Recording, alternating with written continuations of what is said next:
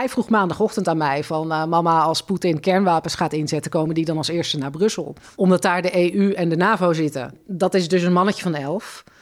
Eh, en dat bedoel ik met deze week was zwaar.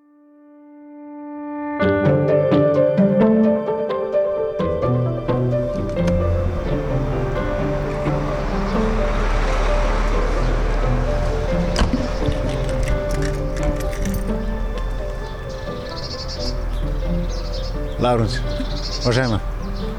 In het Zuid-Hollandse dorpje Driebruggen. Vlak onder de A2 tussen Gouda en Woerden. En wie woont hier? De op twee na machtigste Nederlandse politicus. En niemand die er kent. Esther de Lange.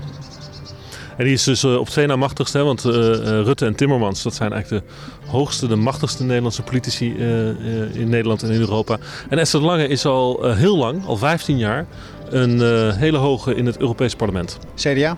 CDA. En Ze wilde voorzitter worden van het Europees Parlement. Dat is niet gelukt. Maar eh, ze heeft nog steeds allerlei eh vicevoorzitterschapfuncties. Ook binnen haar eigen groep en partij. En eh, we gaan haar ontmoeten.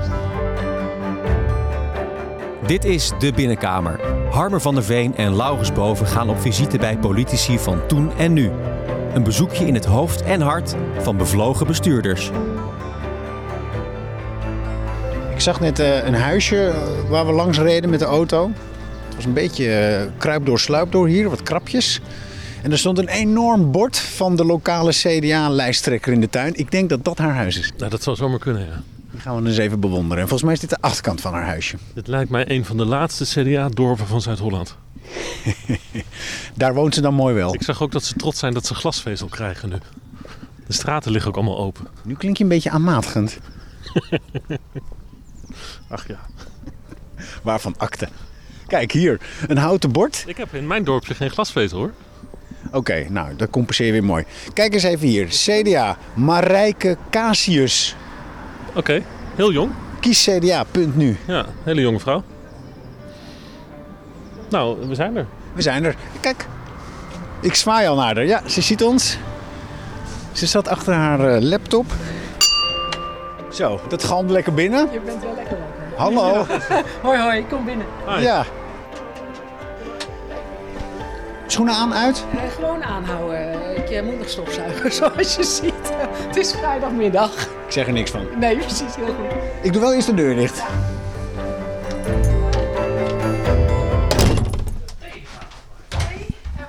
Koffie, thee? Het is eigenlijk eh, tijd voor een biertje, maar dat... Wil je eh, een biertje? Kan ook. Ja? Doen we dat bij het, bij het interview meteen? Het staat voor jullie gewoon hartstikke koud. Kijk hier. zie je wel een klein blikje koud bier, ja. Ja, meerdere zelfs. We gaan gewoon beginnen.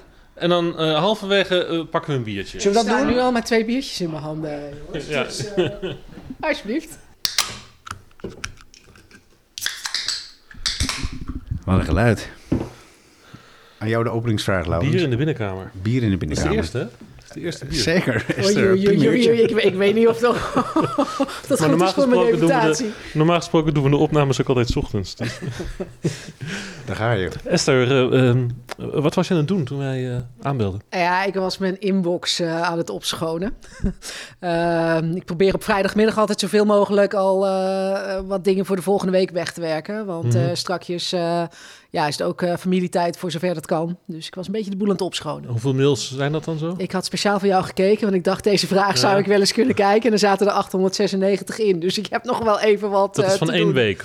Ja, dat is min of meer van een dikke week Wat inderdaad. over is, hè? wat je dus nog niet bekeken Nou hebt. ja, kijk, de echt urgente dingen gaan er meteen uit. Huh? En dan eh, donderdag, vrijdag eh, komt de rest inderdaad. En wat maar doe je met die mails? ja, weet je, ik ben ook wel eh, overgestapt van de situatie waarvan ik zie helemaal niks. Heb ik ook een aantal jaar gedaan. En ik zie alleen maar wat mijn medewerkers me voorleggen. Maar sinds ik vicevoorzitter ben geworden van de fractie, vind ik het heel fijn dat ik wel zelf mails zie binnenkomen. Want het zijn vaak ja, toch collega's die je even mailen en waar je meteen op moet inspringen. En ja, dat eh, dan maar liever zo. Eh, ja, dat is wel een beetje mijn. eh, of ja, ik moet het misschien wel zeggen. Voordat de ellende begon in Oekraïne, was dat wel mijn taak natuurlijk. Op de Green Deal de brandjes blussen in de fractie. Ja. Ja, ja, ja. En hoeveel mails eh, eh, gooi je dan ongezien weg? Ik denk een eh, percentage of. ehm, Nou, laten we zeggen, eh 30% gaat zo weg. 30% kan meteen aan de medewerkers, want dat zijn dingen voor in de agenda. En daar weten zij structureel wat ze moeten doen. 30% wijs ik toe aan wie wat gaat doen. En 10% is echt meteen voor mij. Ja, ja, ja. Ik zei net toen wij hier naartoe liepen, ehm, eh, je zegt net, je bent vice-fractievoorzitter. Nee, ja, vice-voorzitter van de fractie, van de Christendemocratische fractie in het Europees Parlement. En van de partij. En van de partij. En Ja. hoeveel fractieleden zijn dat? Eh, een 180. 180, dus meer dan dat er Tweede Kamerleden zijn. Dat Ja. is jouw fractie. Dat zijn dus niet alleen de CDA'ers, niet alleen de Nederlanders, maar van alle 27 lidstaten. Wij zijn denk ik de enige fractie die uit alle 27 eh, lidstaten Ja, eh, minstens één lid hebben. Ja, en ik, ik introduceerde je net bij Harmen eh, als de op twee na machtigste Nederlandse politicus. na Rutte en Timmermans. Oh, dat vind ik een hele mooie. Ik dacht de twee na belangrijkste in Brussel, maar dit vind ik een heel mooi eh, rijtje, moet ik zeggen. Ja. Eh, zit ik een beetje goed? Nou, weet ik niet. Ik vind het mi- misschien wel een beetje eh, flatterend. Mhm. De andere twee zijn in elk geval heel erg voor de bühne en in de spotlight. Mijn werk is natuurlijk wat meer achter de schermen. Ja. Maar het is een flinke kluif, dat Ja. is waar. Ja, nee, want het Europees Parlement, ik werk daar nu sinds kort ook veel. Hè, en, en mij valt toch wel op dat het inderdaad eh, ehm, veel achter de schermen is, maar dat gaat wel echt over dingen. Gaan we het zo meteen allemaal Is over goed, hebben. ja. Wat ik ook zei tegen Harmen is van, ja, ze is dan wel heel hoog in de pikorde, maar eigenlijk kent niemand er. Nee, en er is ook wel eens, eh, toen ik nog eh, vroeger in mijn carrière zat, maar wel al die functie had bij de fractie, is ook iemand wel eens hier met een eh, microfoon door het dorp eh, gegaan. En dan hadden sommige men- mensen ook zelfs hier zo van, ja, ik wist eigenlijk niet precies wat zij deed in Brussel. Brussel weten de meeste mensen wel, maar wat het precies is, dat... eh, nou Dus zelfs ja. in je eigen dorp kent niet Nou, iedereen... inmiddels zal dat wel meevallen, denk ik. En waren ze hier tegenover bij de kapper binnengelopen, dan hadden ze allemaal wel een bevestigend antwoord gekregen, denk ik. Ja. Eh, maar ja, weet je, dat spreekt mij ook wel aan van het werk in Brussel, in alle eerlijkheid hoor. Eh, tuurlijk, mensen spreken mij hier op straat ook wel aan als er iets speelt. Of dat nou Europees speelt, of in de lokale politiek, of in Den Haag, dat maakt niet uit, want ik ben van het CDA. Dus dan krijg je wel een vraag. Maar het feit dat je wat meer op de lange termijn en wat meer ja, ook achter de schermen of in de luwte, laat ik het dan zo zeggen, aan echte oplossingen kan werken. En niet alleen bezig hoeft te zijn met de waan van alle dag. Dat vind ik heel fijn. Ben je iemand die graag in de luwte zich verstopt? Nou, dat klinkt wel heel erg, eh, dat klinkt wel heel erg eh, eh, introvert, laat ik het, laat ik het zo zeggen. Ik, ik denk niet dat ik, eh, maar ik ben wel iemand die echt graag met de inhoud bezig is. En dat kan heel hands-on zijn, maar als ik soms de hectiek zie waarmee hè, Kamerleden over zich heen vallen om een vraag eh, eh, in te dienen voor het vragenuurtje, en dan echt op basis van wat er in het weekend in de krant heeft gestaan, hebben wij ook, hè, in Brussel begrijp je niet verkeerd, wij kunnen ook vragen aan de commissie stellen. Maar hier is dat, hè, in de nationale politiek is dat wel heel veel. Of hè, één woord verkeerd en je hebt meteen dagenlang miserie en een lastige discussie. En dat is in Brussel net wat, eh, wat minder. Ja, want, want, want in, het, in het Haagse dan sta je meer in het licht. Ehm, en, en dat leidt bij jou af van de inhoud? Eh, niet per se, maar dat kan. Eh, ik ben ook misschien echt wel iemand. Ik heb echt moeten wennen aan het feit. Want ik, ik ben natuurlijk op een hele rare manier de politiek ingerold. Hè? Eh, ik, ik, ik, ik denk dat voor mij de interesse voor Europa er eerst was voordat de interesse in de politiek kwam.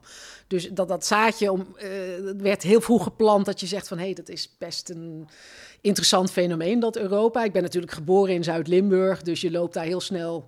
Hè, tien kilometer verderop is over de grens, maar die mensen zijn eigenlijk helemaal hetzelfde. En die spreken eigenlijk in het dialect ook dezelfde taal. Dus dat hele fenomeen grens en belemmert die jou of niet, dat vond ik jong al heel interessant. En ik ben ook die kant op gegaan om te studeren. Dus dat vond ik interessant. Ik ben zo het Brussel nog, je- ingerold, je bent- het je bent- parlement ingerold en pas laat als medewerker. En pas later ben ik in die politiek dingen gaan Ja, doen. dus niet, niet, je had niet eh, de ambitie om volksvertegenwoordiger te worden. Maar je voelde jou wel eh, al vrij vroeg eh, Europeaan, blijkbaar. Ja, dus dat, dat zeg maar, eh, dat, dat, dat, dat, politieke kwam pas toen ik er echt mee bezig ging. Ik werd achter de schermen dus beleidsmedewerker van een aantal CDA-europarlementariërs. Ging dus ook meer doen in de partij. Hè? Gewoon zoals iedereen begint, bij de, bij de jongerenafdeling en dat soort zaken. En toen kwam dat pas. Maar die interesse in Europa was er veel eerder al. Ja, het valt mij op trouwens dat Limburgers dat vaker meer hebben dan, dan de rest van Nederland. Eh, loop ik ook soms wel tegenaan als het gaat om het aannemen van medewerkers. Leg eens uit. Nou, dan zeg ik niet weer een Limburger. Want, Eh, want, want die voelen zich aangetrokken tot Europa. Dus daar, daar- komt weer een Limburger. Dus- ja, precies. Van, van de, de- hè, komt er weer, weer een Limburger als beste naar boven. Ja. Dat is natuurlijk helemaal niet erg. Dat, dat pleit voor die, die, die, die dame of die, of die meneer. Eh, maar ze spre- spreken hun talen, zijn gewend om misschien een beetje over de grens eh, te denken. Eh, kijk je misschien ook sneller naar Brussel dan naar Den Haag? Is Limburgers en Friese ook trouwens de- ook, ook een beetje eigen? Want iedereen is daar dichtbij. De Duitsers zijn dichtbij, de Belgen zijn dichtbij, de Fransen zijn dichtbij. En toch is er een... eh, dat klopt, hè? Eh, Nederland is vaak ver weg. Ik kom net uit Limburg toevallig. Ik heb een klus daar erop zitten. Ja. Daar is altijd het grapje dan. Hè. Dan kom ik uit het westen of het noorden, hoe jullie dat noemen. En als het dan slecht weer is, is het onze schuld. En als het dan mooi weer is, dan komt het door jullie of zo. Nou ja, Wat, maar altijd, er wordt altijd even gemarkeerd. Wij zijn Wij zijn Limburgers en ik ben dan een Westeling. ja, of een Hollander. Hollander, sorry. Ja. Dat was Ja, het. ja. ja, de Hollanders. Maar wat ik dus, klopt klopt mijn waarneming dan? Dat als je uit Limburg komt, dat gewoon Europa dichterbij is. Nou ja, er zit volgens mij een paradox in. In die zin dat als ik kijk naar de generatie van mijn ouders en van mijn grootouders, waar Europa natuurlijk nog helemaal niet zo ver ontwikkeld was als dat het nu is, die hadden van nature ook die contacten over de grens. En het lijkt nu wel, hè, die hele outlet in Roermond zit op zaterdag vol met Duitsers. Maar de jongere generatie in Limburg spreekt geen Duits meer. Dus er wordt misschien juist wel, er zijn misschien wel minder contacten over de grens. Eh, en, en misschien wordt er ook wel minder getrouwd over de grens, dat weet ik niet. Ehm, maar wat ik wel weet, is dat de Kamer van Koophandel in Limburg echt heeft laten zien in onderzoeken dat, dat, dat Limburg kansen laat liggen omdat er gewoon geen Duits meer wordt gesproken. Ehm, eh, laat staan Frans. Hè. Dat, dat is een paradox, dan heb ik jou Vind daar. ik een paradox van, van heb ik jou daar. Van dat Europa is zoveel meer dan dat het 20, 30 jaar geleden was. Maar kennen we elkaar nog wel echt? Ja, jij bent nu eh, half de 40 ongeveer. Ja, de, de tweede helft van de Ja. 40 Ja, waar zit je? ik ben 47. Ik ook. We zijn Ah, even oud. ze- eh, Ja. 75 van eh, 75? 1974. Ben ik zelfs Oh, ouder dan jij bent. Voel ik, voel ik me Nou. toch meer, eh, voel ik me even net een stukje beter. Nou, hij is nog veel jonger, Ik maar ben nog veel jonger. Maar het is een... ehm, ja, zeker. Oké. Verder geen commentaar. Ehm, een maar je werkt eh, in feite al eh, eigenlijk je hele leven. Al sinds je, je zei het net zelf, hè, je bent begonnen, maar toen was je dus nog twintiger. Ja. Eh, ben je in het parlement gaan werken en eigenlijk in de politiek gaan werken. Nou, ik heb gelukkig daarvoor ook nog wel het een en ander gedaan buiten de politiek. Ik denk dat ik eh, veel van mijn Frans, waar ik nu nog dagelijks plezier van heb, het feit dat ik Frans spreek, eh, ja, dat heb ik geleerd. Omdat ik moest onderhandelen met garagehouders in Perpignan over auto-onderdelen voor de ANWB Alarmcentrale. Dus geef mij een motorblok en, en ik benoem je de onderdelen in het Frans. Eh, en ik, ik ben ook... eh, daar daar, heb je gewerkt. daar heb ik gewerkt in, in, in, beroemde in Lyon. ANWB. Het beroemde steunpunt in Lyon. krijg je alle vakantiegangers in korte broek aan de lijn. Ja, ja. Eh, Met ik heb een lekker band, kunt u me vertellen waar ik sta? Want dat, heb, Dat kan. dat schijnen ze te vragen. Eh, dat kan. Of, of ik, ik heb eh, van eh, de AWB in Rotterdam de routebeschrijving eh, naar Barcelona gekregen. Maar nu moet ik naar huis. Heeft u de routebeschrijving terug? Ehm, dus ja. Pre-navigatietijdperk, maar toch? Dat was pre-navigatie, inde- inderdaad. Maar ook, eh, ja, ook, ook erge dingen. Ehm, eh, ouders die worden aangereden op, op de autoweg en drie jonge kinderen ehm, eh, op de vluchtstrook. Eh, autopech gekregen, wilde even oversteken om te kunnen bellen. Ook redelijk pro-mobiel, eh, pre-mobiel eh, eh, tijdperk. Ehm, Aangereden. eh, aangereden, ja. Overleden. Eh, eh, ja, En Eh, jij hebt dat aan de lijn, die kwesties. eh, nee, dat had een collega aan de lijn. Maar dat zijn wel momenten dat het hele steunpunt in Lyon...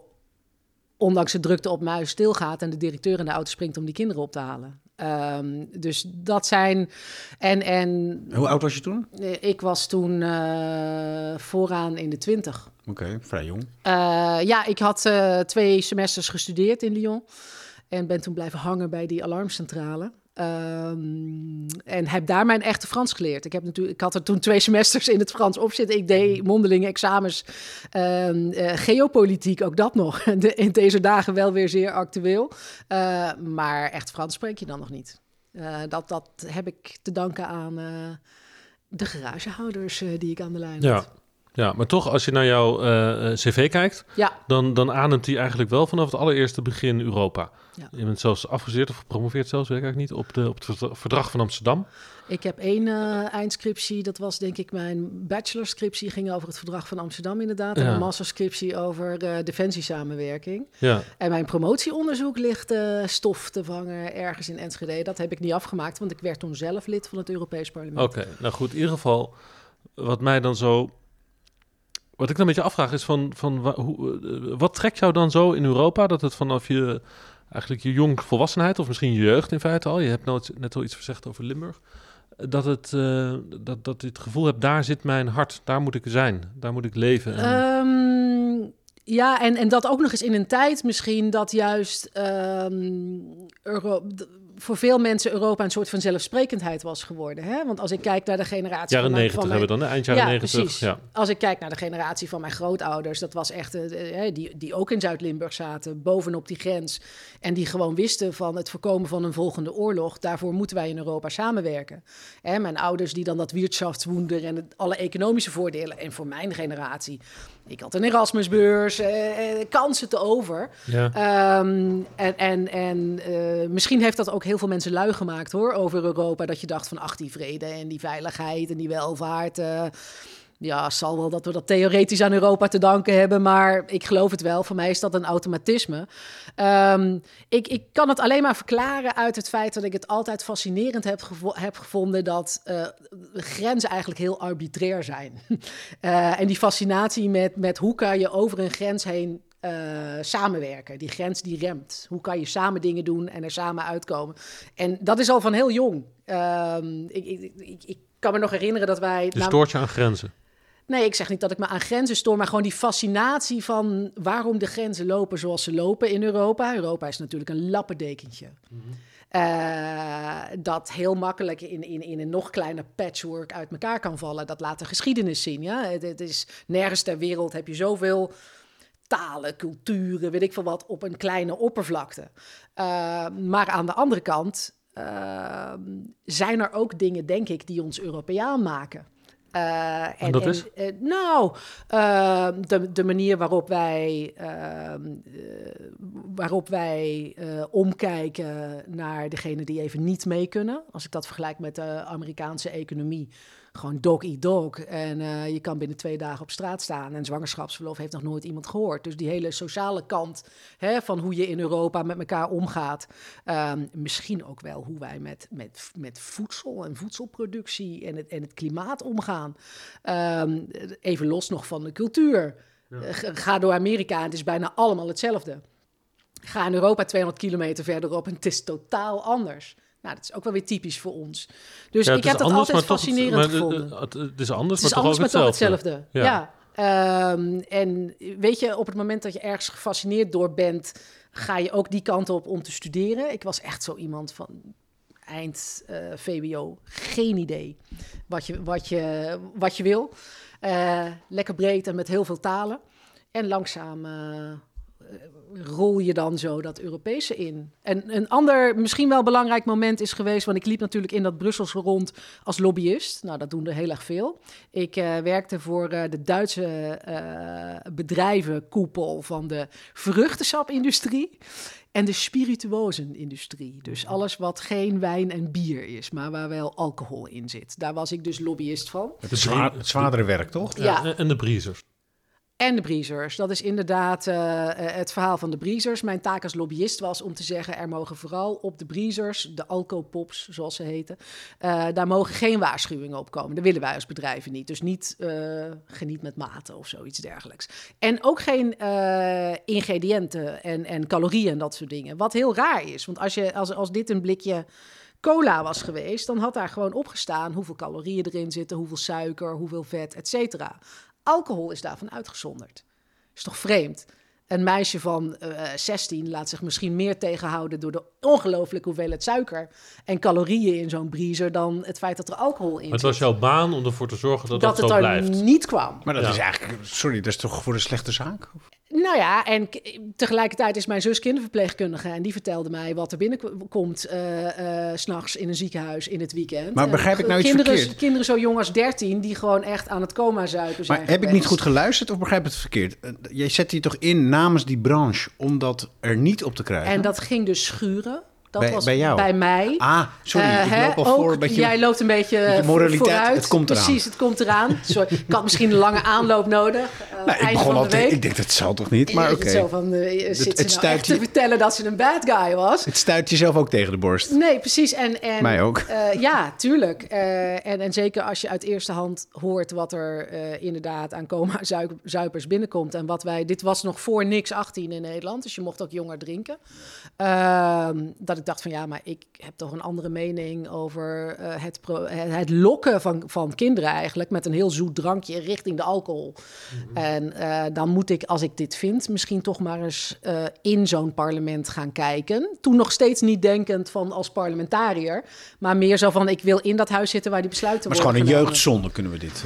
eh, Dat mag. Ja, Maar zo mag je hem noemen. Maar aldoende, aldoende leert men. Ja. En het heeft mij wel, eh, denk ik, de kant opgeduwd van ja, nadenken over maatschappelijke kwesties. En dat is de eerste stap richting engagement in de politiek. Dus ik denk dat dat in die zin wel een defining moment is geweest. Van ik wil in dat huis zitten waar die besluiten worden genomen. Ik was lid van het CDA. Ik deed daar eigenlijk op dat moment helemaal niks mee. Uh, maar dat leidde er wel toe dat ik solliciteerde bij de CDA-Europarlementariërs. Daar werd aangenomen. Steeds actiever werd in de partij, et cetera, et cetera. Ja. En nu zijn we hier. En hoe eh, is het met je? Ja, goed. Het is wel een, um, het is wel een heftige week geweest, uh, in alle eerlijkheid. Um, ik, ik, ben helemaal niet vies van uh, hard werken. dat doe ik denk ik altijd. Ik krijg ook energie uit het werk in het Europees Parlement. Dus gewoon het feit dat je weet van... met een Portugees onderhandelen pak ik net iets anders aan dan met een Deen. Ja. En als ik het maar ik hoor een zo maar. in de markt zet, uh, hè, dan uh, krijg ik ook mijn standpunt voor de bühne gebracht. Maar nou, nou, de maar aankomen, is uh, dat natuurlijk de situatie in Oekraïne, ja, wel, denk ik, op iedereen uh, een flink gewicht heeft gelegd. In de zin van wat, wat er nu gebeurt, is iets wat we nooit meer uh, hoopten te zien uh, in, in Europa. Europa. of aan de grenzen van Europa, of hoe je het dan ook wil definiëren. En wat deed het met jou? Um, nou ja, kijk, weet je, de, de motivatie waarom ik in de politiek, of in de Europese politiek uh, met name zit, is dat je zegt van, daar refereerde ik al een beetje aan. Ik maak er soms wel eens zorgen dat dat, dat Europa zo vanzelfsprekend is. Ja, daar wil ik even, voordat ja. je dat verder vertelt, ja. we hebben een brief even... meegenomen. Ja. Je hebt een brief geschreven. Nou, misschien moet je het zelf uitleggen. Ik heb hem hier uh, op, ja. mijn, op mijn iPad. Ja, een beetje knullig gefotografeerd door mij, maar hij staat okay. nu op de iPad van Laurens. Maar het is een brief ja, die jou ik denk geschreven. dat het de brief aan mijn zoon is. Yes. Ja. Uh, en, en... Is dat, dat is hem? Ja, nou, wel een aantal jaar geleden. Het hangt een foto met een lieve moederhart of een hartje voor en jou. Dit is van moederdag, ja. ja maar jaren geleden. Maar hij is inmiddels, hoe oud is die? Hij is nu elf. Oké, okay, dus een jongetje van veel jonger, ja. Ja, en hij vroeg, uh, hij vroeg maandagochtend aan mij van... Uh, mama, als Poetin kernwapens gaat inzetten, komen die dan als eerste naar Brussel? Omdat daar de EU en de NAVO zitten. Oh. En dat is dus een mannetje van elf die waarschijnlijk door wat ik doe net iets te veel nieuws meekrijgt dan een gemiddeld jongetje van elf. Hij weet ook niet wat een kernwapen is hoor. Hij weet niet dat een kernbom nog veel erger is dan een gewone bom. Dan hij zich kan voorstellen. Dan hij zich kan voorstellen. Maar bom is al erg, snap je wat ik ja. bedoel? Um, uh, en dat bedoel ik met deze week was zwaar. Ja, ja. hij heeft wel gelijk denk ja. ik trouwens. Nou, natuurlijk heeft hij gelijk, maar je gaat niet tegen je kind van elf zeggen dat hij gelijk heeft. Dat hij, gelijk, dat hij misschien wel gelijk Hebben heeft. wij het hier niet over gehad? Of ik heb met iemand erover ja, gehad. Over ja. Ik, ik heb het, namelijk precies. Het geeft mij ook namelijk aan. Ik bedoel, als je gaat schieten. Sorry, ik ga er heel raar van praten. Maar als, als, je gaat, als je iets gaat doen, dan is Brussel veel populairder dan Parijs of Berlijn, lijkt ja, mij. Nou, dat kan. Of ja, hij is, Poetin is redelijk onberekenbaar hoor. Dat zie je ook in, in, in zijn sprongen van de laatste dagen. Maar als hij uh, gaat voor daar waar de infrastructuur zit, of dat nou de politieke is, ja. of de haveninfrastructuur, dat zou ook nog iets kunnen zijn, of energie. Uh, maar goed, laten we daar even nu op deze, hè, uh, deze middag niet van uitgaan. Maar ik wilde naar die brief toe. Ja. want ik ben ooit uh, de Europese politiek ingegaan, omdat, ik, omdat die vanzelfsprekendheid van de jongere generatie, zo van dat Europa. Dat is er. Ja, Daar hoeven we brief... onze nek niet meer voor uit te steken. Ja. Dat, dat maakt mij bang. Want op het moment dat je er zo over denkt. kan het ook kapot. Laurens wil die brief even ja, die introduceren. brief die is, die, dat was de, de, de, het voorwoord bij het verkiezingsprogramma van het CDA... voor de verkiezingen van 2019. 19, de En ik laatste- wilde hem niet schrijven. Want ik vond het een schrijven? verschrikkelijk corny idee van de Oh, heb je het? Nee, zij kwam daarmee en ik dacht eerst Wie van is zij? eh, de campagneleider eh, van het CDA. Wie is dat? Gewoon maar even Eh, benoemen. Want... eh, ja, nee, eh Nelleke, nu moet ik alleen de achternaam Oh, eventjes... eh, eh, oh, lief Nelleke. Ehm, maar die kwam daarmee en toen dacht ik van... eh, ja, dat ga ik niet doen. Want ik ben niet iemand die heel erg snel... Nou, dan heb ik nu eh, nog een mijn veel- familie eh, de politiek in, eh, intrekt. Dan heb ik nu nog een veel verschrikkelijker verzoek aan jou. Ja, of ik hem wil voorlezen. nee, niet helemaal hoor. Niet helemaal, maar Ja, ik vind het verschrikkelijk, want ik, ik hou het af en toe niet droog eh, bij, bij, bij die tekst. Nee, maar- de eerste alinea. maar, maar ik las hem en ik dacht ook, eh, zo, die komt lekker binnen. Maar, Ja, maar deze, deze ga ik bijna gewoon niet doen. Eh, Nee, maar hij is zo verschrikkelijk actueel geworden. hij En, is heel actueel, en maar 2019 ik weet gewoon hoe ik erop ga reageren. Dus ik, kan- ik kan je wel vertellen... Ja, nee, zie je, daar ga ik al. nou, het is echt verschrikkelijk. het is niet- jullie, ik hem jullie- deden dat gewoon Nee, met opzet. nee, Ehm, niet. Maar ik vind deze het- brief komt zo uit mijn tenen. Ja. Ik ben hier gaan zitten aan deze tafel... en ik heb een goed glas rode wijn ingeschonken... Ja. en ik heb gedacht van, oké, ik ga het proberen. nou, ik krijg er kippenvel van. En dus, ik eh, heb gewoon gedacht, ik schrijf op wat er nu komt. En dat was dit, dus jij mag hem voorlezen. Oké. echt waar? Ja, echt, want ik... ik eh, Dan gaan we luisteren naar de mooie stem van Laurens. Misschien ga je, misschien eh, wordt... Ja. Nou, doe je best. Nou, ik, Als Europa in één beeld te vatten is, dan is het voor mij in deze foto. Het strand van Arromanches... Ik ben Arromanches. Arromanches Ja, Frans. Liban, ja. Ja, in Normandië. Alleen de caissons in de verte herinneren eraan dat dit een van de D-Day-stranden is. Gold Beach. Waar op 6 juni 1944 Britse militairen aan land gingen en de bevrijding van ons continent naar weer een verwoestende oorlog begon. Maar daar ben jij niet mee bezig. Jij bent vier en op vakantie. Speelt in golven en groeit, dankzij de zeelucht en de Franse keuken, elke dag weer een stukje groter. Zie daar de essentie van de Europese Unie. Lessen trekken uit het verleden en tegelijkertijd ook een antwoord bieden op de uitdagingen voor de toekomst. Europa is het werk van generaties, elk met eigen zorgen en dromen, maar steeds vanuit de overtuiging dat wij samen sterker zijn dan alleen. Voor de generatie van jouw overgrootouders in Limburg was samenwerken in de Europese gemeenschap vooral een kwestie van vrede en nooit meer oorlog. En waar dat te beginnen? En waar beter te beginnen? Esther heeft ondertussen de foto opgeduikeld uit haar telefoon van haar zoontje. Ja, dat Toen- is hem. Ja. En, dit was de leeftijd toen jij deze brief aan hem schreef. Nou, hij is daar wat jonger. Ja. eh, want dit is in, eh, even kijken, dit is in eh 15 en het- de verkiezingen waren in 19. Maar in de verte zien we inderdaad de Maar in de verte zie je die Ja. caissons liggen. Dit was natuurlijk ook een moment, daar, heb ik het later in de brief over. Dit was natuurlijk ook midden in de vluchtelingencrisis. En net na dat jochie met zijn sandaaltjes en zijn rode t-shirtje. De dat, Turkse stranden. dat verdronken. Hè? En, en gewoon het feit Ja, dat... Een, Toen zag elke ouder van Europa zag daar zijn eigen kind liggen. zag daar zijn eigen kind liggen. En het feit dat het een, een Europees strand voor het ene kind gewoon een strand is. Hij heeft geen idee wat die caissons zijn. Ehm, hij heeft geen idee wat zich op die stranden heeft afgespeeld. En dat voor een ander kind een Europees strand gewoon een einde Hey, is. en dat wilde hij zo houden. En dat wilde ik zo houden. Maar hij heeft gisteren dus de vraag gesteld, een paar dagen geleden... Ja. mama, komen die raketten van Poetin Ja. op Brussel? Ja, en dan is je antwoord... we doen er alles aan om ervoor te zorgen dat dat, dat, dat niet gebeurt. En wat, Eh, hoe reageerde die toen? Ja, dat, dat ziet hij dan ook wel. Ehm, ehm, maar dat neemt de zorg niet weg. Het neemt bij jou de zorg niet weg. Het neemt bij mij de zorg niet weg. En je houdt ook een kind van elf niet voor de gek.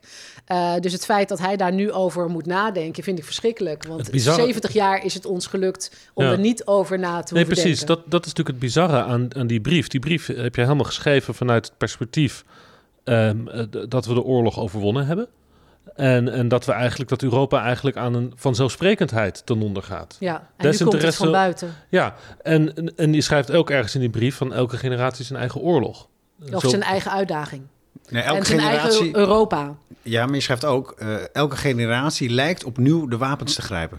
Ja, het- het- Dat staat ook in de brief. dat is volgens mij de geschiedenis van Europa heel erg kort samengevat. Ja, maar die Eh, tijd lag achter ons. Dat was de belofte van de Europese Ja. Unie. En dat is We eh, zeg een, maar. we slaan een paar generaties over. Dat, dat is zeg maar de happy time waar ik ben, in ben opgegroeid. Eh, alle kansen, grenzen open, Erasmusbeurzen. We gingen naar het einde van de geschiedenis. En iedereen werd Fukuyama. zoals wij. Maar de emotie die dan net naar boven kwam bij die brief, die- dat is natuurlijk omdat het over je zoon gaat.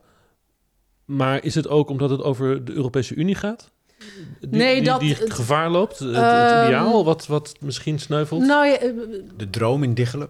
Dat, dat, dat zou kunnen, maar die droom is er voor de mensen. Dus ik maak dat onderscheid niet zo. En, en mijn zoon is gewoon een van die vele Europeanen die ik het niet gun dat je weer opgroeit in een Europa waar de reflex niet meer is. We gaan aan tafel zitten en we komen er samen uit. Dat is wat Europa in het kort gedaan heeft, eh, de Europese Unie, eh, sinds de oprichting ehm, eh, van de EGKS. Maar dat de reflex weer is van het, het, het, het lont in het kruid valt en het zou wel eens verkeerd kunnen aflopen. Dat gebeurt nu aan onze buitengrens.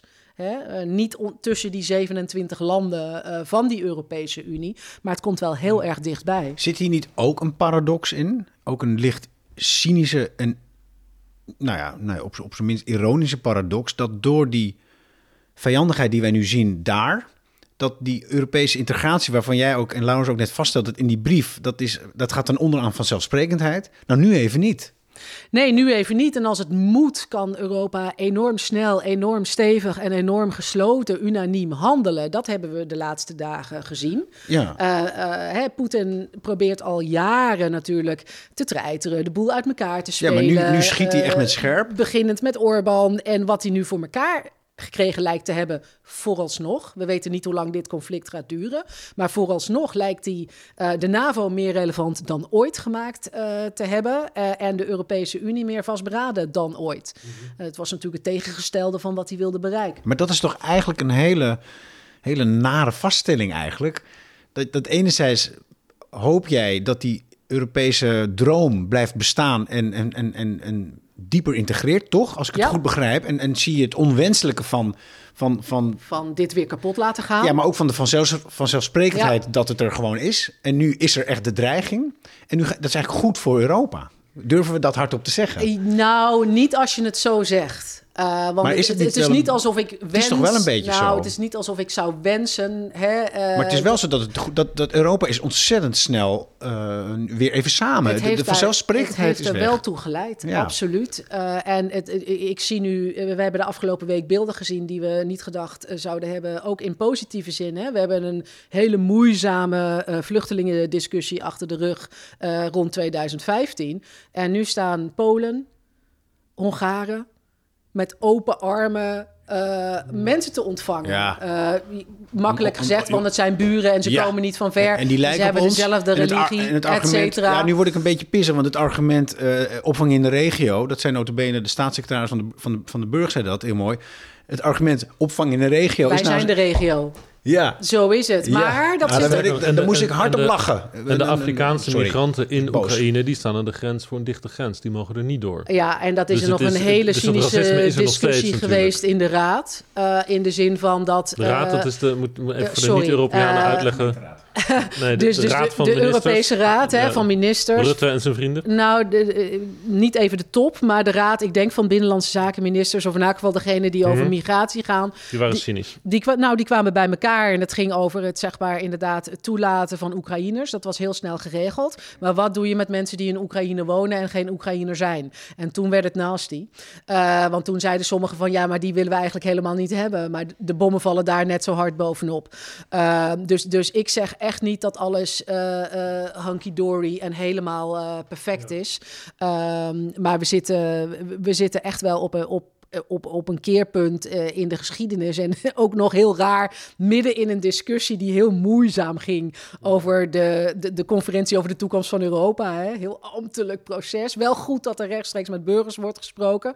Ja, die gaat nu een hele zwieper de andere kant op krijgen. Ja. Het gaat ineens veel meer weer over, over vrede en veiligheid gaan. Ja, dat is de kernwaarde eigenlijk. Hè? De, de, de, de oorsprong waarom Ja. de Europese Unie Maar de ironie... bestaat. Ik wil Dan, eigenlijk één ding... wil jij nog één ding Ik zeggen? wil Oké. één ding vragen. Ehm, eh, je vertelde dus net, dat is allemaal deze week gebeurd, ehm, dat je dus die, dat, dat, je ziet het gebeuren in het nieuws. Iedereen is natuurlijk wakker geworden met het nieuws van de inval is begonnen. Wat doe jij dan als uh, Europees politicus op zo'n moment? Waar zie jij jouw werk? Uh, eerst reageer je als mens. En niet als politicus. Dus ik, heb eerst mijn oud-medewerker Jos geappt en, en, gevraagd van hoe is het met Olja, zijn vrouw. Die komt uit Oekraïne. Ze hebben twee kinderen, ze wonen in Brussel. Um, maar haar familie woont in Kiev. Uh, en hij vertelt van ja, we zijn gewoon in shock. Want ons tweede land of haar eerste land zijn, zijn, zijn aangenomen. Hè, tweede land is in oorlog. Nooit gedacht dat dat zou gebeuren. De familieleden zijn nu bezig met de kinderen in elk geval uh, uit de stad te halen, uit Kiev, naar het platteland. Maar ik, ik hoop dat ze zijn doorgegaan, want ook het platteland biedt helemaal geen veiligheid meer in, uh, in Oekraïne.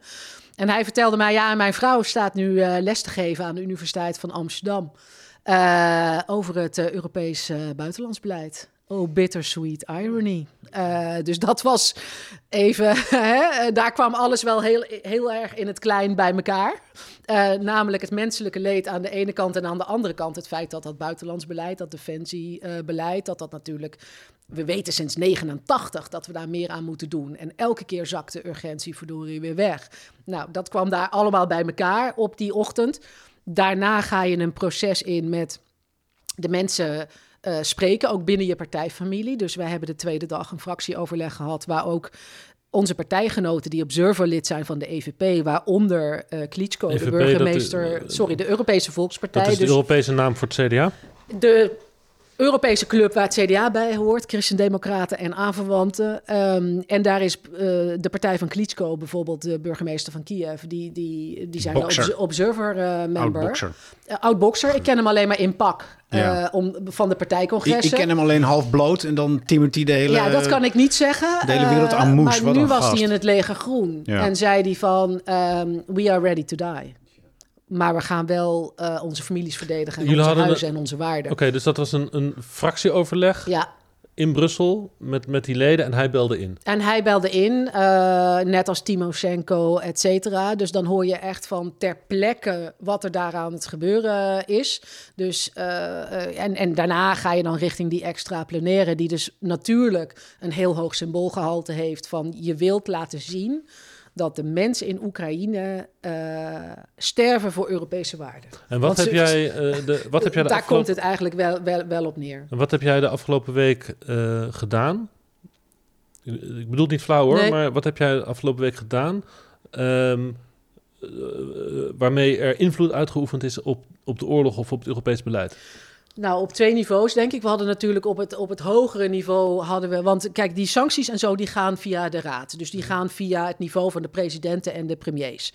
Uh, en daar is razendsnel gehandeld. En onderschat niet wat daar gebeurd is. Hè. Het gewoon bevriezen van de tegoeden van een, uh, uh, van een centrale bank, dat is nog nooit eerder gebeurd. Dus, dus dat heeft wel degelijk impact. Ehm, vervolgens kom je dan in het parlement. Het parlement doet eigenlijk dingen op twee niveaus. Het ene niveau was de toespraak van Zelensky in het Europees parlement, die ook heel heftig was, alleen al door de boodschap en de tranen van de tolk. Ja, vertel eens. Die daar nog doorheen kwamen. Wat gebeurde dat? Dat gebeurde um, omdat, kijk, normaal gesproken heeft een tolk redelijk afstand. Hè? Want uh, de, uh, als ik naar Nederlands zou willen luisteren, dan wordt dat door een Nederlander gedaan. Dus die vertaalt bijvoorbeeld het Hongaars naar het Nederlands ja. toe.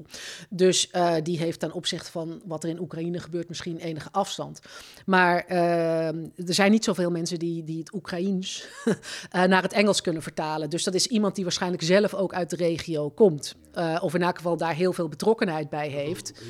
Uh, dat zou heel goed kunnen. Uh, en die vertaalde dus naar het Engels. En die, um, het was net de dag dat dat eigenlijk duidelijk werd, die dinsdag uh, eh, 1 maart, van Poetin gaat nu ook voor de burgerslachtoffers. De dagen daarvoor ging hij voor die vliegvelden en strategische plekken. En dat was de dag van de bom op het Vrijheidsplein in, um, in, in uh, inderdaad. En uh, daar sprak hij zo geëmotioneerd over. Um, en ook zo vastberaden in de zin van... elk plein in Oekraïne zal Vrijheidsplein heten, want wij vechten eigenlijk voor jullie waarden, voor, voor vrijheid, voor democratie, voor de rechtsstaat.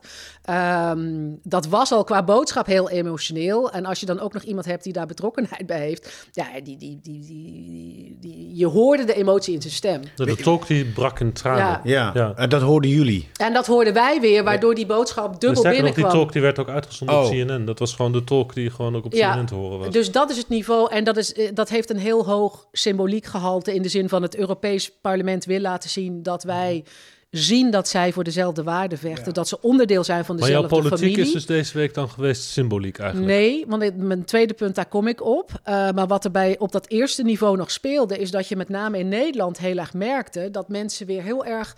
ehm, hè, eh, eh, Oekraïne had ook een aanvraag gedaan voor lidmaatschap van de Europese Unie. Wij weten allemaal dat zelfs een voorbeeldland, neem Estland, daar negen jaar, tien jaar over doet. Dat is een heel taai proces. Je kunt dan twee dingen doen. Je kan zeggen van, joh, dat is een heel taai proces. Dat is nu niet aan de orde. Maar op een moment dat in een land het licht uitgaat... en mensen nog vechten voor die waarden die wij als familie in Europa gemeenschappelijk hebben... en, zegt, en vraagt eigenlijk, zijn wij onderdeel van die Europese familie, dan hoort jouw eerste antwoord niet te zijn ja, maar procedureel heel lastig. Dan is jouw eerste antwoord ja. En dan ga je vervolgens aangeven, ja, eh, weet je, natuurlijk heeft meer, meer ha- handen en voeten voor nodig dan zomaar eh, een kwestie van vandaag op morgen. Ehm, dus die resolutie was op dat niveau hè, van het Europees Parlement heel erg belangrijk. Daar heeft ook bijna niemand tegengestemd. Het antwoord was ja. Het antwoord van het Europees Parlement was overweldigend Ja. ja. Je mag lid worden. Ja, ja nou, het ja, goed. stond er voorzichtiger Ja, sure, geschreven, maar, wij zien in elk geval dat jij onderdeel uitmaakt van de Europese familie. Ja. Zeker door wat daar eh, nu gebeurt. Dat is het eerste niveau. Het tweede niveau is gewoon het nitty-gritty work van een parlementariër, waar dan ook mijn coördinerende taak in die fractie weer eh, om de hoek komt kijken. Want je moet eigenlijk een heleboel wetgeving weer tegen het licht gaan houden.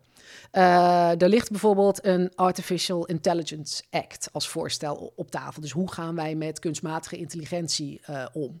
Met onbemande drones bijvoorbeeld. Ehm, er ligt een Chips Act, microchips. Eh, de Europese Commissie heeft nog steeds, naar mijn mening onterecht, heel erg met name een, een, een marktlogica eh, in het hoofd als ze wetten voorstellen. Dus het is heel erg van, nou, we gaan die markt lekker vormgeven en dat doen we in Europa. En als anderen willen, willen meedoen, join us. En, en dat werkt niet. Dus al die wetten moeten tegen het licht. Daar moeten veel meer security je bedoelt- concerns inkomen. Dat is nu al een les die je trekt van, Dat zijn wij nu al aan het doen. van, de, van de inval... dat eigenlijk de wetgeving minder vrije markt moet zijn. En meer eh, gericht, meer rekening houden dat met er in de geval onveiligheid. naast die vrije markt ook allerlei veiligheidsconcerns Mag ik, ingebouwd daar, moeten worden. een- mag ik daar een beeld aan toevoegen? Want ik heb nu zeer in- eh, geïnteresseerd geluisterd naar jouw rol. Ik heb geluisterd naar hoe, hoe, hoe Oekraïne Zelensky dus aan de poort klopt eigenlijk. En het beeld wat mij zo sterk bijblijft nu... is dat Europa dus een, een soort een kasteel is, een, een, om- een, een ommuurde stad... En dat, dat is onze vrijheid en democratie, daar leven wij. En Oekraïne staat gewoon buiten de poort en Rusland is daar ook. En, die, en die, die belagen dus nu Oekraïne. En hij klopt dus op de deur. Ja. En hij wil eigenlijk meteen naar binnen. Dus eigenlijk een kwestie van, van ophaalbrug naar beneden, naar binnen, ophaalbrug omhoog. En, en, en hij is veilig bij ons. Maar jullie, of jullie, het systeem waar je dus een beetje in vastzit lijkt, als ik het dan die symboliek mag vasthouden, is dat, dat, dat het gaat om de markt. Om, om, om, om die vrije plek die nu even niet de zaken doet. Is, lijkt is dus mijn kritiek op de commissie ook. hè? Ik bedoel, precies. eh, Maar, dat- maar dat is toch een verschrikkelijk beeld waar, waar we nu in zitten. En dat klopt toch ook wel een beetje. Dat, dus, dat, hij, dat hij wil heel graag naar binnen. Ja, dat wilde het- hij al. Maar nu, is- de nood is nu verschrikkelijk hoog. Hij wordt gewoon en eh, het is vermoord. ongelooflijk wrang eh, dat eh, hè, Estland, Letland, Ja. Litouwen is het wel gelukt Ja. om binnen te komen in een rustige tijd. Hè? Dus Zeker, niet maar die- op het moment dat ze elkaar voor dat kasteel. Maar die al, zitten achter eh, die muur. Die zitten achter die muur. Eh, en eh, Oekraïne is dat niet gelukt. Ook omdat Poetin toen al aangaf van ja, maar hè, hier eh, handjes, eh, Ja, en af. via, via de Forum voor Democratie en Jan Roos hebben Toen ze... kreeg je dus vervolgens dat associatieakkoord, hè, eh, wat in lekker. Nederland heel moeizaam ging. Ook omdat wij de diepere discussie over wat speelt er nou in Europa Ja. niet willen voeren. Het gaat ook in Nederland altijd over En de, de markt. consequentie is dat nu iemand buiten onze poort gewoon voor onze ogen wordt Ja, afgeslagen. en het probleem is. Vechten voor onze en, waarden. en het probleem is dus dat op het moment dat wij nu op dit moment zeggen. en dus kom er maar nu in Ja. in de Unie en nu in in de NAVO. Ja. Dat is zo'n escalatiedreiging dat, je- dat de kans dan nog groter is dat je vertrokken bent voor een derde Dat wereldoorlog. begrijp ik ook. Vrij cynisch. Want als we dus de, de ophaalbrug neerlaten en hem meteen naar binnen brengen... gaat Poetin het eerste wat hij doet is schieten op ons. En dus Hartstikke heftig beeld, toch? En, eh, ja, maar realiteit. natuurlijk. En we zitten nu aan het eind van deze week. Eh, eh, hè, van de week waarin dit dus allemaal zich heeft afgespeeld. Ja. En we zijn hier nog lang niet mee klaar Nee. natuurlijk. Ehm, eh, en daar merk je dus ook aan van iedereen eh, probeert te doen wat hij kan. Die wapenleveranties gelukkig nu wat stiller dan met fijne emojis op Twitter. Ik heb nu zoveel wapens geleverd hè, vanuit al die landen. Maar eh, daar is die bijstand.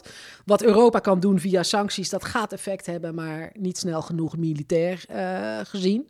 Dus dat is echt. ehm, ehm, ja, en daar hoef je echt eh, geen drie studies voor gedaan te hebben om in te zien eh, Jij bent nu parlementariër. dat, dat, dat de Oekraïners er heel alleen voor Zou jij nu minister van Defensie willen zijn op dit moment? Nederlandse minister van Defensie? Of van Buitenlandse Zaken? Ja, weet je. ehm,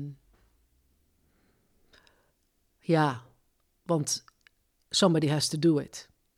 Eh, en je loopt er niet voor weg. Maar je bent het niet. En ik ben het niet en dat vind ik ook niet erg. Had je het Eh, willen zijn, had je het kunnen zijn?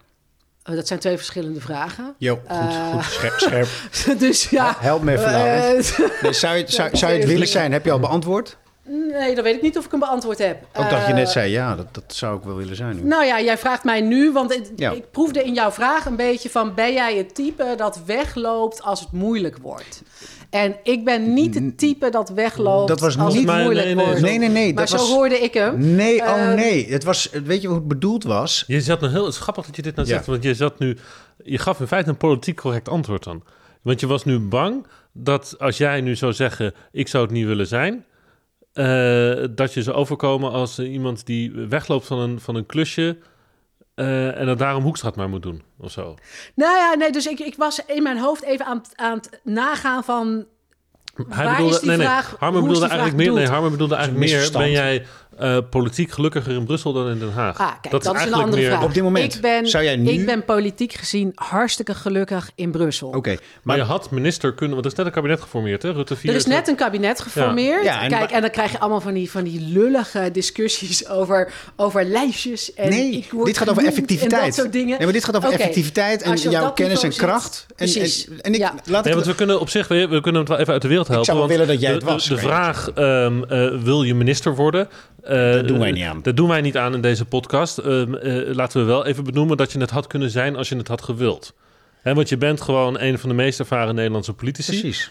Ze 15 jaar in het Europees Parlement. Effectief. Eh, en eh, er zijn mensen minister geworden met een mindere bi- biografie dan jij. Ja, maar dus je zit- had het gewoon. eh, Dat kunnen we, we dat kunnen we gewoon feitelijk even vaststellen. Je had minister kunnen zijn. heel Had je het zeven mijlslaarzen. Want Ja. kijk, mijn, mijn affiniteit ligt natuurlijk heel erg met het buitenlandblok. Ja. Dus ik heb, en ik vind al jaren, voordat ik überhaupt zelf Ja, op het die CDA lijstje heeft de stond... minister van Buitenlandse Zaken. In, in- in ik, ik vind zelf, eh, vond ik al voordat ik op die lijstje stond, dat eh, Nederland zichzelf tekort doet door geen staatssecretaris of minister van Europese Zaken te hebben. Het leek er een tijdje op dat hij er misschien zou komen. Mhm. Was voor mij hartstikke interessant geweest. Maar op het moment eh, dat buitenland al volgens mij goed bemenst is, ook door Wopke Hoekstra, ja, weet je, dan snap ik de analyse ook om te zeggen van op het moment dat wij jou weghalen uit Brussel zijn wij wel al onze functies en al onze invloed eh, kwijt die jij met, Oh, met dat je is, wel, meebrengt. dat is wel een onderdeel geweest van de Dat is natuurlijk wel iets waar je rekening mee houdt. Eh, want zo'n vicevoorzitterschap van een fractie,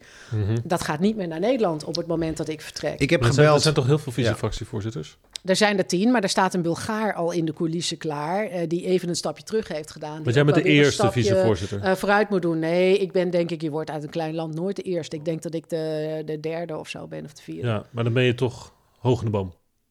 Hoog genoeg om efficiënt mijn werk te kunnen Ja. doen. ja. Maar we, we, we- we hebben nou eigenlijk die vraag, laten we nou, hebben we nog niet beantwoord waar je gelukkig bent, maar jij hebt je boekje Hm. erbij gepakt. Bijna, Waarom? we zijn er bijna, denk ik. Ehm, omdat ik, heb, ik heb Tom Berendsen gebeld, Ja. ehm, collega eh, eh, parlementslid van jou. En ik heb Dirk Goting gebeld. Ja? En die hebben allebei gezegd... Dirk Groting is de, een van de woordvoerders van de ja, CDA, van, de eh, FVP-fractie. ja, precies, van eh, Manfred Weber. Ja, die heeft Manfred van ons afgepakt. Eh, Manfred Weber is de grote baas van de Christen-Democraten in het Ja, Europees ja. Parlement. Heel goed dat jij dit allemaal inderdaad vertelt. Ehm, ze hebben allebei verteld dat jouw, ehm, ehm, jouw, jouw kracht nu ligt in Europa en jouw netwerk is sterk en, ehm, en je, bent, je, je, je hebt een, je bent heel effectief. Dat, dat, dat, je dat, dat het CDA ook dat niet zomaar wil opgeven voor een ministerschap, zullen we maar zeggen. ja. En dat heb jij zelf ook, daar ben je het daarmee eens. ja, dat is iets waar je rekening mee houdt, Zeker. tuurlijk. Maar dan blijft dus nog, en dat komt ook door eigenlijk, het komt, mijn vraag komt niet voort omdat ik dit al had of zo. Ja. Maar mijn vraag komt voort om hoe, hoe jij praat en hoe jij erin zit en wat jij, wat jij vermag. Ja. En dat is het tegenovergestelde van wegrennen en Ja. lopen.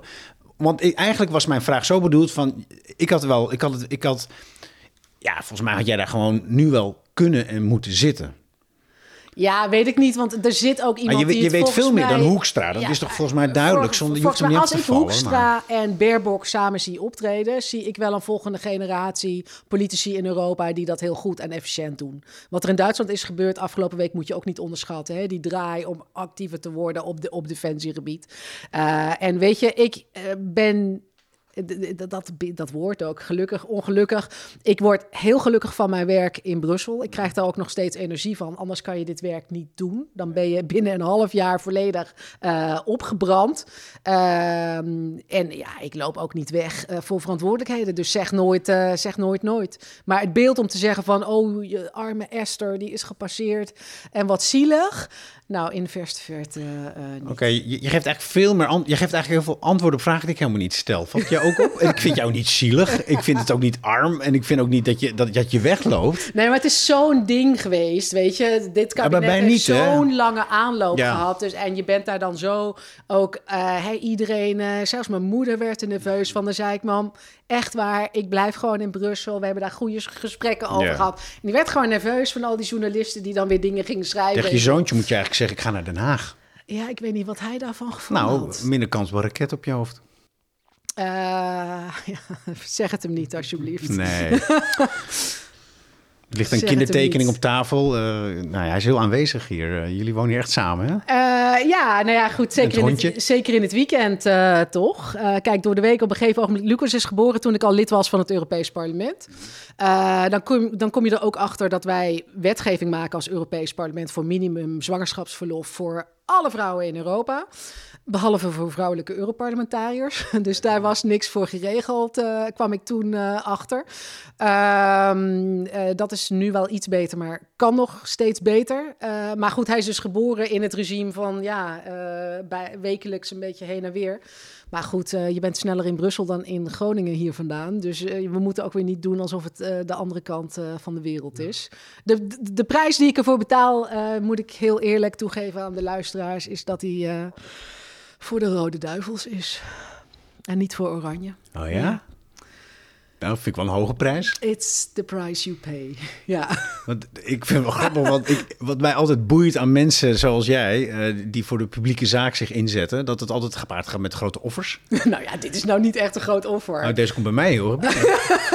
Dat je zoon voor het eh, Belgische voetbal Ja, dat zou, ik heb geen zoon en, en mijn dochter zou niet van voetbal op die manier, maar nou, lijkt me eh, moeilijk te Nou, zeggen. het was pijnlijker toen hij gewoon, als we dan hier waren, dan gingen we, toen was hier eh, ehm, aan het eind van de straat nog een supermarktje. Dat zit er nu niet meer. Eh, dan gingen we naar het supermarktje en dan stond hij erop dat hij een volledige rode duivel outfit met heel groot op zijn rug de bruine hier naar die supermarkt ging. En er zit mama in de politiek voor een Nederlandse partij en ik loop daar eh, met, met, met, met zo'n rood gevaar hier. We eh, echt door- gefaald, door- gefaald als opvoeder, Ja. als moeder. Ja, ja, ja, dus helaas. Ja. Ehm, Welke offers heb je moeten brengen zelf?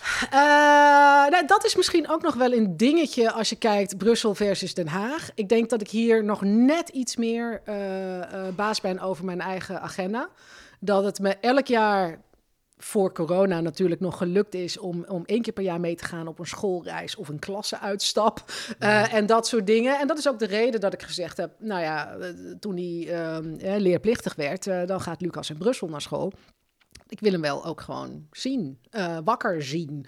Uh, um, dus ja, je hebt daar dan wel invloed op. Het laatste wat ik wilde is gewoon aan het eind van je tijd in het parlement terugkijken en denken van, nou, die hele basisschool, die, uh, die heb ik gemist. dat, dat ging ja. mij niet gebeuren.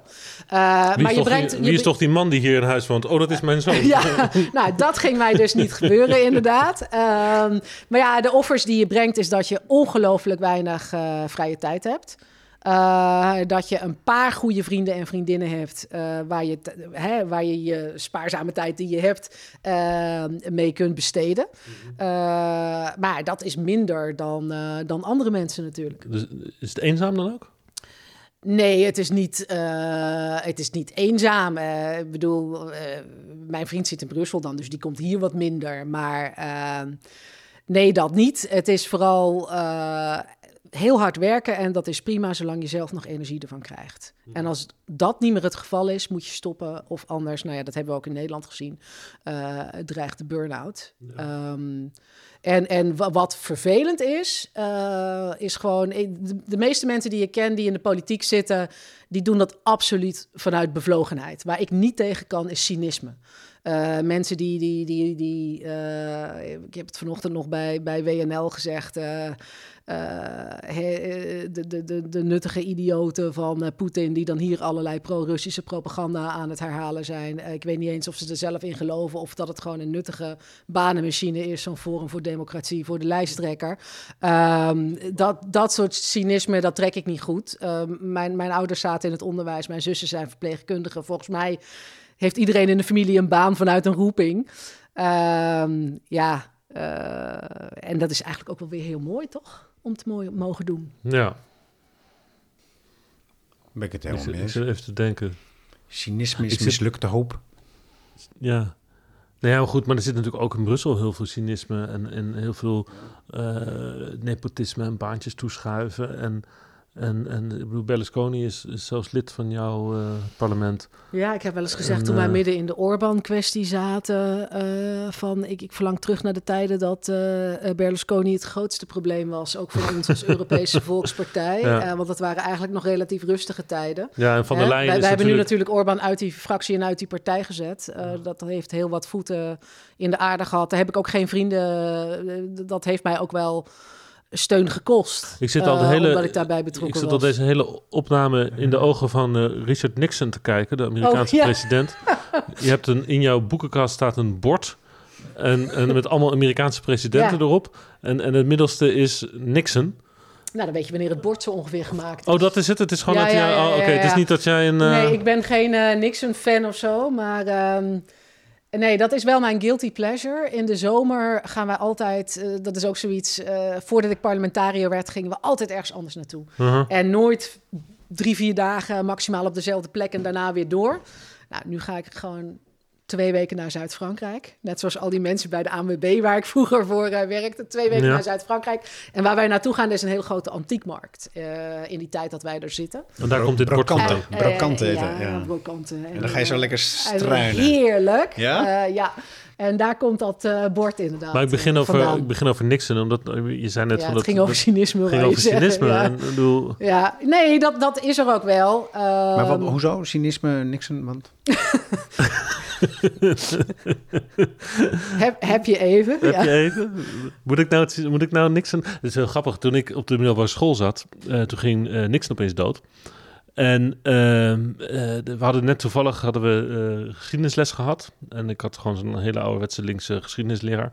En we hadden dus net Vietnam en de jaren zeventig en Nixon behandeld. En eh, hij had natuurlijk uitgelegd wat een enorme boef die, die, die man toch was en zo. hij zei zelf, I'm not a crook. En toen, was die, toen ging die dood. En toen had je natuurlijk in de... ook. Toen had je natuurlijk een paar dagen lang had je natuurlijk allemaal documentaires en terugblikken Ja. en, en eh, biografieën en dat soort dingen. En die waren natuurlijk allemaal, hè, dat ging natuurlijk allemaal over hoe, nou, dat het best een oké, hè, een bijzondere man was en zo. En, en dat over de nu niks dan vertellen goed. dat, dat, dat jij nu toen gefascineerd raakte door Nixon? Of, Nee, eh, helemaal niet. Maar toen hadden we daarna hadden we weer, want er waren al op televisie waren al die films geweest Ja. over dat het eh, iemand gaat dood. Dus dan krijg je van die positieve biografieën over die mensen. Dan waren we naar school, geschiedenisles en die man die zei toen nog van nou. Ik, eh, ik hoop dat jullie mij nog geloven bij mijn volgende Oh, ja. lessen. Wat ik wel heel opvallend vind, is hoezeer eh geschiedenisleraren vaak Vormend zijn voor vormend mensen? zijn voor, voor, voor mensen. Die voor mij was van de VVD. Mhm. Nou, ik heb daar echt een, eh, een, een, een, een, natuurlijk eh, aversie tegen liberalen eh, aan. Oh nee, je kan prima samenwerken met, met liberalen. doe ik in het parlement ook. Maar qua filosofie, dat individualisme, dat marktdenken, dat staat volgens mij echt haaks tegenover hoe de christendemocratie in elkaar zit. Eh, volgens mij zijn wij toch echt van een samenleving van, van ook omzien naar elkaar. En eh, oh, dat mag ik niet zeggen, want er was zoveel kritiek op over omzien naar elkaar en kijken naar de toekomst. Hè, die tekst van het regeerakkoord. Ehm, nou, jammer. Vind ik maar eh, weet je, ehm, ik vind het wel grappig. Dus, dus ook bij mij was, was de geschiedenisleraar toch ook wel, wel, wel vormend. Dus, en ik vind ook dat wij als CDA veel meer dat verschil moeten laten zien. Eh, we worden vaak zo in één adem genoemd met de VVD. Ja, ja, CDA en VVD. Ja, wat nou CDA en VVD? Qua outlook op de maatschappij zit daar toch wel een fundamenteel verschil tussen. En dat doorgeschoten individualisme van ik, ik, ik, ik, ik en niks meer over hebben voor een ander, dat heeft ook enorm gespeeld in Nederland volgens mij in de coronacrisis.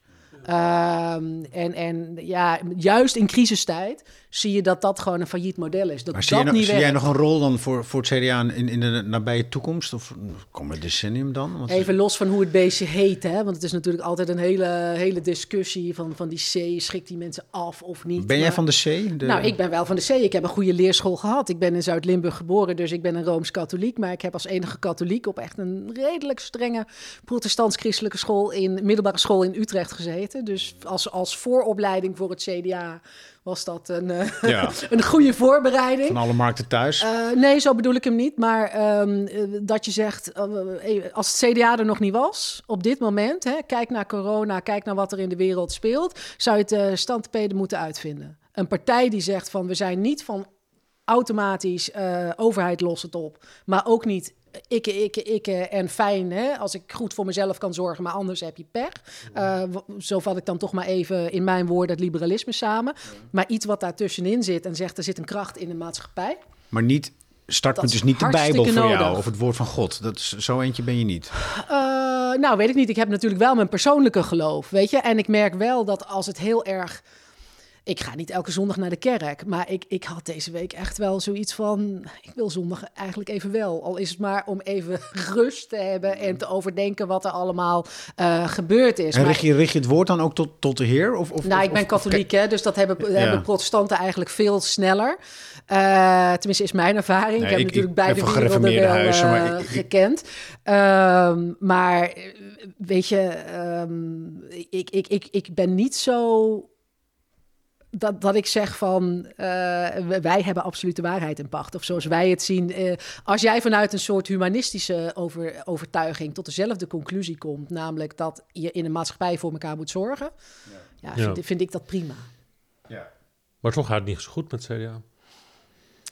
Nee. Dus dan eh, kan je het wel willen oprichten, maar als er niemand op wil stemmen, dan is het toch een beetje ingewikkeld. Nee, en dat is natuurlijk ook een kwestie van eh, even.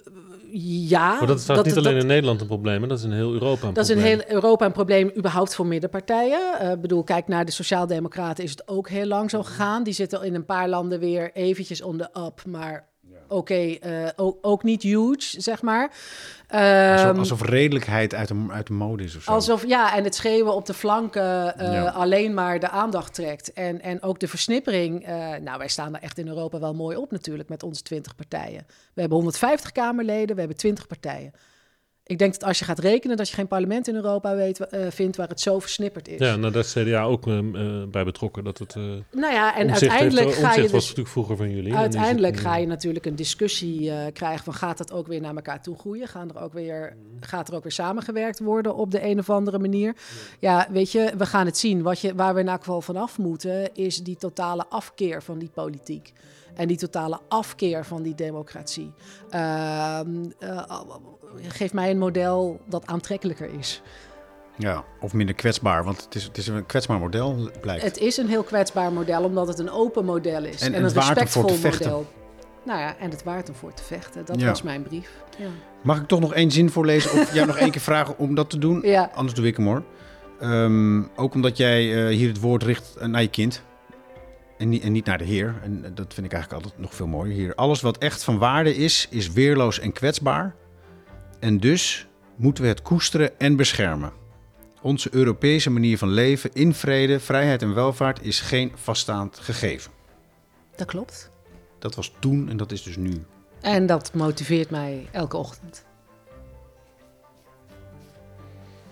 Dankjewel. Graag gedaan. Nou mag altijd toch nog iemand, als je zou willen, nog die ene vraag stellen. Maar we kunnen ook zeggen, we nemen een slokje pils. Dat doen we sowieso en dan wachten we even af of die vraag komt. eh, Gezondheid. Proost. Nou ja, weet je, ik heb nog één vraag in, in, in mijn hoofd, maar dat is dan zo'n ouderwetse politieke vraag. Oh ja, we moeten even een foto Ja, maken. met, met bier dit keer, sorry eh, Met- Esther. ja, maar Ja, ook, even kijken of ik er Ja, zo... je mag, we moeten eh, ook wel met z'n... Nee, we moeten ook zo op de foto dat we er Oh, dus... vierkantje, maar kan ik nu al? Ja, je kan een vierkant maken, want we moeten een, het moet een vierkante oh, foto zijn. Dat is een hele lange... Maar nee, dan ga ik wel iets meer zo, dat is niet erg. Nee, eh, Zo, zo past die, zo past die. Ja. Met een soort, ja, ja, ja. Ja, ja, is niet goed. erg dat ik er half uit. Geen microfoon voor iemands snoet. Zo. Oké. Oh, want vierkant hebben we echt nodig. Hè? Ja, vierkantjes heb je nodig voor die... eh, Ja. Nou, dan ga ik maar ook echt goed doen. Oh, ja. Heel goed. Ja, ik heb alleen nog maar zo'n hele flauwe politieke vraag in mijn hoofd zitten... waarvan ik dan denk, ja, dat gaat de sfeer helemaal verpesten natuurlijk. Nou, verpest jij de sfeer nog maar even op. eh, Ja, maar. op Mag de de sfeer nog even verpesten? doe maar. Ja, het blikje is al half leeg. Dus, eh. oh, Nee. wacht, ik zet wel even de vaatwasser uit. Oh ja. Want anders blijft het piepen.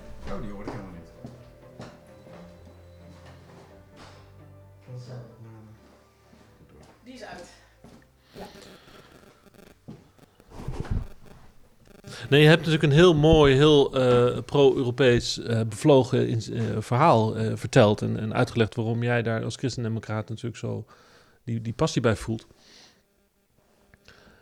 Maar het CDA zelf heeft natuurlijk altijd wel meerdere gezichten gehad met het Europa. Ja. Dus als je het hebt over cynisme tegenover politiek, dan, dan, dan voedt de partij, jouw partij, die dan niet zelf ook.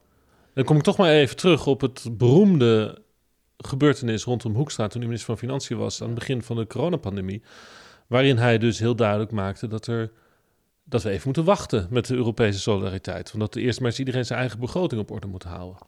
wil ik twee dingen over zeggen. Volgens mij is dat de grootste eh, downturn in zeg maar Europese bevlogenheid in de partij daarvoor al. Ik ben natuurlijk lijsttrekker geweest in 2014 en in 2019. Dat waren werelden van verschil. In 14 was Europa heel erg met zichzelf bezig. Het lukt allemaal niet, het gaat allemaal niet. eh, we moeten ons eigen huis op orde krijgen. En het CDA zat heel erg op de lijn van de begrijpelijke zorgen van mensen. En De Buma-lijn is dat eigenlijk, hè? de, die zorgen die zijn begrijpelijk. Ja. Alleen op het moment dat je daar keer op keer op keer de nadruk op legt... en naar mijn mening veel te weinig ook het beeld schetst... wat wil je dan? Waar wil je naartoe? Wat wil je gaan doen? En waarom? It, it- it's why. It starts with why. Waarom eh, ehm, ja, wil je daar je nek voor uitsteken? Waarom is het zo belangrijk? Dan ligt de nadruk alleen maar op wat niet kan en wat je niet wil. Eh, en ik ben een 19 lijsttrekker geweest en dat was een veel constructiever verhaal. Waarschijnlijk al door wat er in de wereld was gebeurd. Hè? Assertievere Chinezen, Poetin deed al vervelend. eh, we hadden Trump meegemaakt, dus we hadden echt door van ja, een alternatief is niet zo fijn. Het CDA had en we doen geen het leider. beter samen. Wanneer? In 19 had het CDA ook geen leider. Eh, Was Buma was al weg? 19 Is Buma niet eh, midden in de campagne toen eh, Nou ja, hoe dan ook. Niet weggegaan? Ja, maar goed, Eh, maar dat was een veel constructiever programma. En daarna van de Tweede Kamerverkiezingen ook. Dus het gaat een beetje met golven. Maar ik ben wel, ik ben van de eigenlijk hele ouderwets vleugel. De vleugel van de mensen die, die, die vanaf het begin betrokken waren bij die Europese Volkspartij en bij de ja. Europese Nee, want die heeft het CDA natuurlijk absoluut ook. Hè? Absoluut. Het. CDA zit er vanaf het begin af aan natuurlijk in de haarvaten van de Europese integratie. Ja. Maar hoe verklaar je dan zo'n eh, zo'n zo'n zo'n zo'n Oh ja, Hoekstra. moment? Ja, weet je, eh, ik, ik, ik ga met heel veel interesse kijken naar, naar hoe Kaag dat gaat doen. Eh, want hè, het is natuurlijk ook wel een olietanker, zo'n ministerie. Het ministerie van Financiën is volgens mij het minst Europese. Alhoewel ze dus over een onderwerp gaan wat heel Europees is. Want we hebben een euro, maar ik vind ze heel erg eh, op de rem op de achterhoede. En dat snap ik. Bedoel, nee, Financiën heeft eigenlijk zelfs de rol van buitenlandse zaken overgenomen als het gaat om Europa. Europa. Financiën is eigenlijk het ministerie van Europese Zaken geworden. Nou ja, goed. En ook het ministerie dat altijd zegt wat er niet kan. Ja. En ik snap wel dat het niet permanent is van nou, hè, uh, wat willen jullie? Wij zullen betalen samen met de Duitsers. Dat kan niet. Uh, maar ik denk dat het probleem bij die uitspraken van Hoekstra met name zaten in uh, het feit dat wij toen nog niet door de mangel waren geweest met corona. Dus voor ons was het eigenlijk nog de normale wereld. En wij zeiden ons normale ding. Hè? Je kan een euro maar één keer uitgeven. Terecht. En eerst even kijken uh, of aan alle voorwaarden is voldaan. Maar de, mijn Italiaanse collega's liepen al huilend door de gangen omdat er mensen doodgingen eh, in de straten van eh, steden in Noord-Italië. Huilen in het parlement? Ja, uh, omdat, ja, wat zou jij doen? Uh, als Europa als eerste in Nederland was gekomen en wij hadden in Nederland, het is heftig geweest hoor in Nederland, begrijp me niet verkeerd. Maar als jij, uh, als wij de eerste waren geweest en je had, uh, er was gebeurd wat in Italië is gebeurd, dat gewoon het, het, het leger de overleden mensen moest afvoeren, dat gebeurde daar dat mensen gewoon doodgingen uh, in de ambulance voor het ziekenhuis. Als ze er al in kwamen in die ambulance. Ja, daar was een totale mismatch tussen de belevingswereld. waar die Italianen in zaten. Uh, die echt al helemaal veranderd was door corona. En wat Hoekstra zei, ja, eigenlijk wat Nederlanders altijd zeggen. Maar die mismatch op dat moment was echt verschrikkelijk. En hij heeft daar ook zijn excuses voor aangeboden. Nee, sure, heeft, heeft ook gezegd dat had ik niet moeten nee, doen. maar het heeft Hoekstra geschaad, persoonlijk in zijn politieke werk. Het heeft uh, Nederland en het Nederlandse belang geschaad. Het aanzien ook van Nederland geschaad. Kijk, Nederland. Het heeft jou misschien geschaad ook bij jouw poging om Europees parlementsvoorzitter dat te worden? Dat kan allemaal, ja, dat kan zeker. Uh, maar je moet dit niet op één persoon terugvoeren of op één moment. Uh, hè, ik denk dat Nederland uh, heel lang samen met de Britten gekeken heeft van waar kunnen wij dingen vertragen of stoppen. Ja. En nu zijn de Britten weg door Brexit en uh, gaat het helemaal niet meer om blokkerende minderheden, maar om wat je daadwerkelijk gaat doen en het smeden van constructieve allianties. En dat heeft wel even geduurd voordat die nou ja, die change in, in mentality gemaakt was. Ja. En als maar misschien om dan daar, daarmee af te sluiten, misschien als ik het dan goed begrijp, moet uh, dat nieuwe kabinet, dat Rutte 4, nieuwe bestuurscultuur, nieuw elan in Europa. Weet je, al die dingen staan in de regeerakkoord. Um, dan gaat het dus ook om gewoon een soort van uitstralen van solidariteit en van een Europees ideaal, ook op het ministerie van Financiën. Ja, en het hoeft niet te zijn dat betekent dat je elke keer de portemonnee trekt, maar laat zien dat je de ander begrijpt begrijpt waar die vandaan komt. Dus een en, beetje en toon, van... toon een beetje empathie. Ja, en dus, dus ook een Leef beetje... je in die, in een ander. Die, die, Europese retoriek die ons Nederlanders soms een beetje uh, uh, over, boven de pet gaat, van, of althans uh, irriteert. De, de, de wollige, mooie toespraken in het Europese parlement. Misschien daar toch een beetje van lenen. Dat je nou, mag ik dan nog één voorbeeld geven? We zijn misschien over de tijd, hè? maar ik zag vannacht dat filmpje zag ik komen van Mark Rutte. Uh, die zijn steun uitspreekt aan het Oekraïense volk. In het Engels. In het Engels. Ja. Um, en het eerste wat me opviel, nog voordat ik de woorden gehoord had, was: er missen twee vlaggen. Hij stond voor een Oekraïense vlag. En een Nederlandse vlag. Nee, Oh. Hij stond voor een Oekraïense vlag. Punt. Alleen een Oekraïense vlag. Dus ik miste de Nederlandse vlag, want hij spreekt daar namens het Nederlandse volk. En je wil laten zien dat die twee volkeren naast elkaar staan. Wij steunen de Oekraïners. Dus onze vlag die miste. En de Europese vlag. En ik miste de Europese ja. vlag. En ik denk dat dat dus gewoon onze angst is om te zeggen van... maar als ik die Europese vlag daar neerzet dan denken de mensen in Nederland misschien dat ik hiermee bedoel dat ze lid kunnen worden. En dat vinden we lastig en dat vinden we, vinden we moeilijk. Uh, en dus doe ik alleen maar de, de Oekraïense vlag. En toen ging ik luisteren, of, of, toen las ik wat er in de tweet stond. En toen zei hij van, die begon met... At the request of President Zelensky spreek mm. ik mijn steun uit namens het Nederlandse volk. Ja, zo van, het moest van Zelensky, maar ik doe het niet voor mezelf. Dus dat zijn die kleine dingen die weg moeten uit het Nederlandse beleid. Uh, hè, we zitten nu in een crisistijd. Je wilt Oekraïne en die mensen die, die, die, die vechten voor onze gedeelde waarden, die wil je je solidariteit overbrengen. Ja, dat moet je dan niet zo doen van ja, het is dat jullie president het vraagt. En ik durf daar niet de Nederlandse en de Europese vlag achter te zetten of naast te zetten, want men zou eens kunnen denken, nee, ieder weldenkend mens begrijpt dat ja. Oekraïne niet morgen lid is. Maar... Nederland smacht naar een nieuwe minister-president. Uh, dat mag voor mij ook een vrouw zijn. Proost. Proost, waarvan akte. Ik heb nog iets leuks, Esther. Je kan Oh. een vriend van de show worden.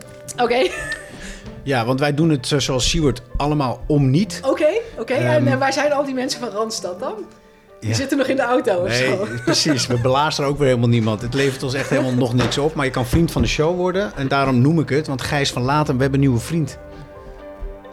We hebben een nieuwe vriend. We hebben een nieuwe vriend. Ja, we hebben een nieuwe vriend. We Oh. moeten altijd even de administratie van de podcast ook goed, doornemen. Eh, Gijs van Latem is eh, mijn buurman. eh, en die is eh, voor, eh, even kijken, hij is per maand is hij lid voor 2,50. Nou, Esther kan het ook worden. Ik ga het worden, ik beloof het. Vriendvandeshow.nl Eh, ga ik doen. En dan krijg je elke twee, om de twee maanden, krijg je de binnenkamer. Ja. En af en toe krijg je ook nog een exclusieve update Ja, over het maakproces. Oké, nou, dat heb ik nu van dichtbij gezien natuurlijk. En eh, Eh, Esther, eh, de vrienden, als we er een, eh, beetje een man of twintig hebben, dan eh, gaan we de, de kroeg in. Dan gaan we een avondje lijkt me goed. organiseren. ja. en als het er nog meer worden, willen we een keer eh, een soort van eh, theater of iets, een klein zaaltje afhuren met al onze vrienden. En dan vragen we aan de vrienden wie moeten wij eh, in de binnenkamer eh, uitnodigen. En dan, eh, dan zou je iemand mogen voordragen. Denk er maar rustig over na. Dankjewel. Dankjewel.